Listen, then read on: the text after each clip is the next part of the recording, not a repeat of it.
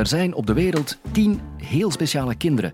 Kinderen met niet twee, maar drie genetische ouders. En nee, ze hebben geen superkrachten. Alleszins toch geen zichtbare. Op celniveau daarentegen kan je drie genetische ouders hebben. Geneticus Claudia Spits over puzzelen met genmateriaal.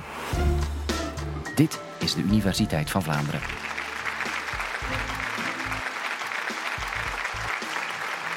Als we aan een gezin denken, dan denken wij nog altijd meestal aan dat typische beeld van de papa, de mama en het kind. En nochtans zijn er tegenwoordig echt wel een aantal scenario's te bedenken waarin dat er drie of zelfs meer mensen nodig zijn om een gezin te stichten.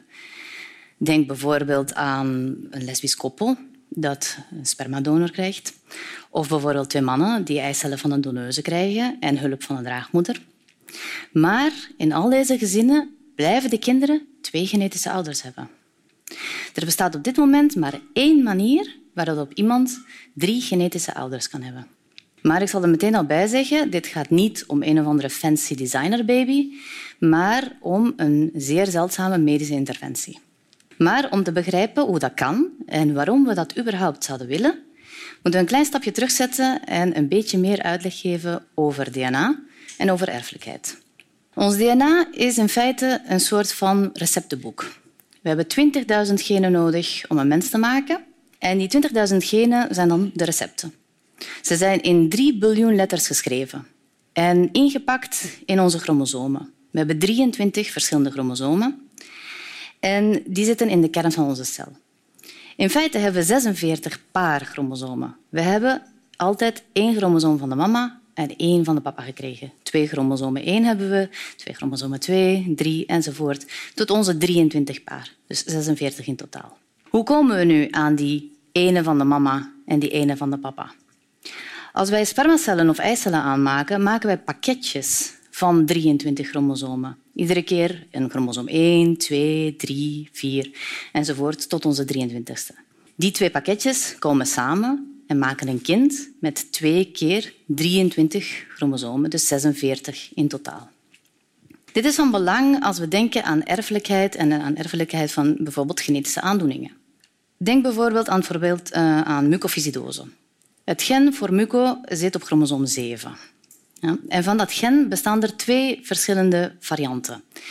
Een normale, functionerende variant en eentje met een mutatie, waardoor het gen eigenlijk niet meer goed werkt omdat we twee chromosomen hebben, kunnen wij homozygoot of heterozygoot zijn. Homozygoot betekent dat de twee chromosomen hetzelfde het kopietje van hetzelfde gen hebben, dus twee bijvoorbeeld normale. Je kan ook homozygoot afwijkend zijn en dan heb je mucoviscidose. Dan heb je twee keer de mutante versie van het gen. Of je kan heterozygoot zijn. Dan heb je een normale en een afwijkende. Dat betekent dat je drager bent. Denk bijvoorbeeld aan een koppel waar allebei dragers zijn, zijn gezonde ouders. Als ze kinderen krijgen, kunnen ze ofwel de twee gezonde versies doorgeven, dan hebben ze een homozygoot normaal, een gezond kind. Ze kunnen twee keer de mutanten doorgeven, dan heb je een homozygoot mutant en die heeft muco. Of ze kunnen telkens een normale en een mutante doorgeven. En dan worden dat heterozygoten, zoals de ouders, dragers eigenlijk. Dat betekent in feite dat een koppel die muco draagt, één op vier kans heeft voor een kind dat homozygoot voor de aandoening is en dus ook mucoviscidose heeft.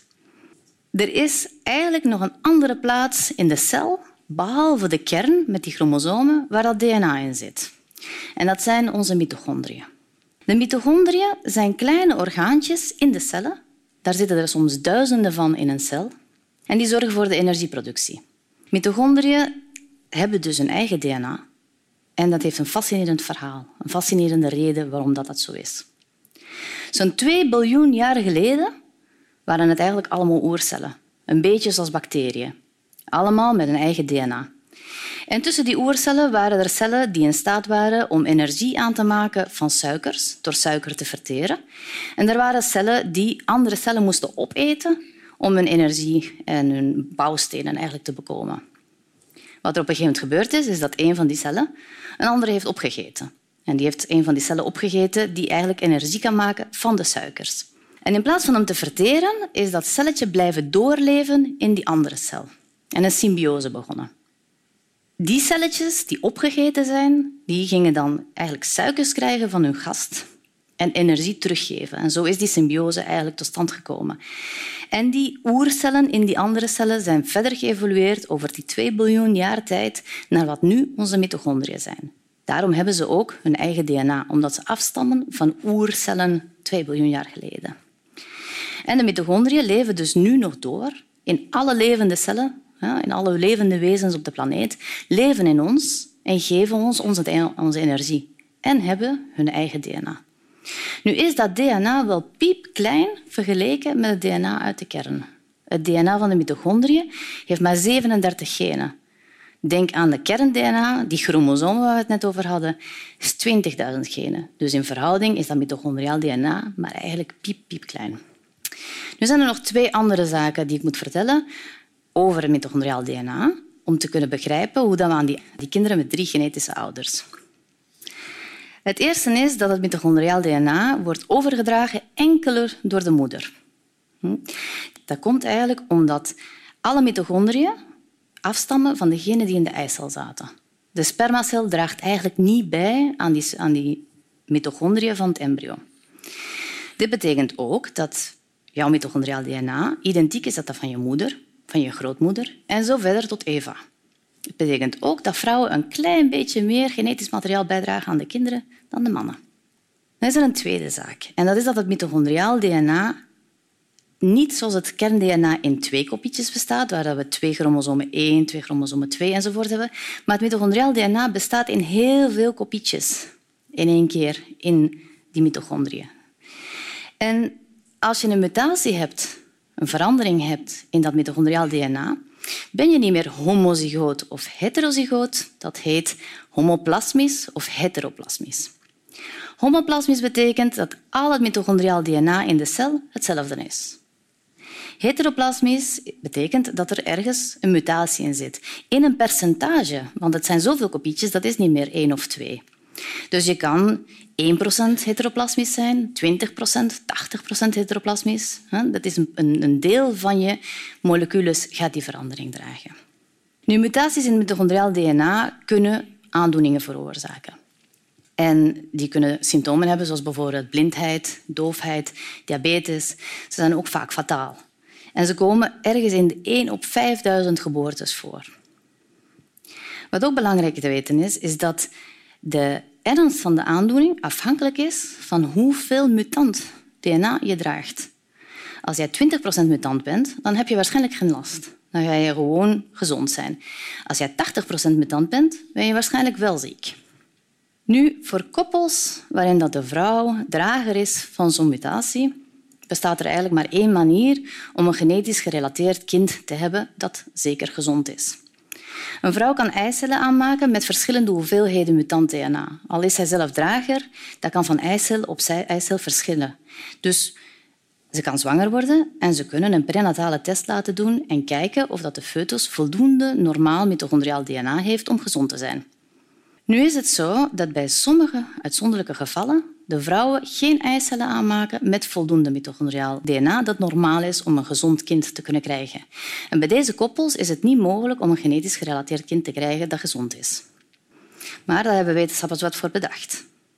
Wat we gaan doen, is eigenlijk een eiceldonor vragen voor eicellen. Een eiceldonor met gezonde eicellen. En we gaan uit die eicel van die donor de kern halen. Die 23 chromosomen van de, van de donor worden eruit gehaald. We nemen de kern uit de eicel van de moeder met haar chromosomen en zetten dat in die lege eicel van de donor. Daar zitten gezonde mitochondriën in die eicel van die donor. Die heeft geen mitochondriale aandoening. Dus zo vermijden we eigenlijk dat die aangetaste mitochondriën worden overgedragen. Alleen, alleen de kern uit de eicel van de moeder en zetten dat in een gezonde omgeving, in een gezonde eicel. En wat we dan doen, is bevruchten met het sperma van de partner. En zo komen we eigenlijk aan een embryo met het kern-DNA van de moeder, het kern-DNA, de chromosomen van de vader, en het mitochondriaal DNA van een eiceldonor. En zo heeft hij dan ook drie genetische ouders. Ik zal er wel bij zeggen, het is een zeer uitzonderlijke procedure, waar dat op dit moment maar zo'n tien kinderen wereldwijd zijn geboren. Als je me dan vraagt, kan je drie genetische ouders hebben? Dan zou ik zeggen, in uitzonderlijke gevallen, ja, dat kan. Het lijkt science fiction. En toch is het dus mogelijk om drie genetische ouders te hebben. In zeer uitzonderlijke omstandigheden weliswaar. Zin in nog meer verrassende wetenschap?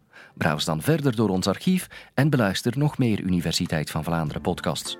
Of ga ook eens kijken bij onze Noorderburen, want er zijn namelijk ook Universiteit van Nederland podcasts. Ongehoord interessant.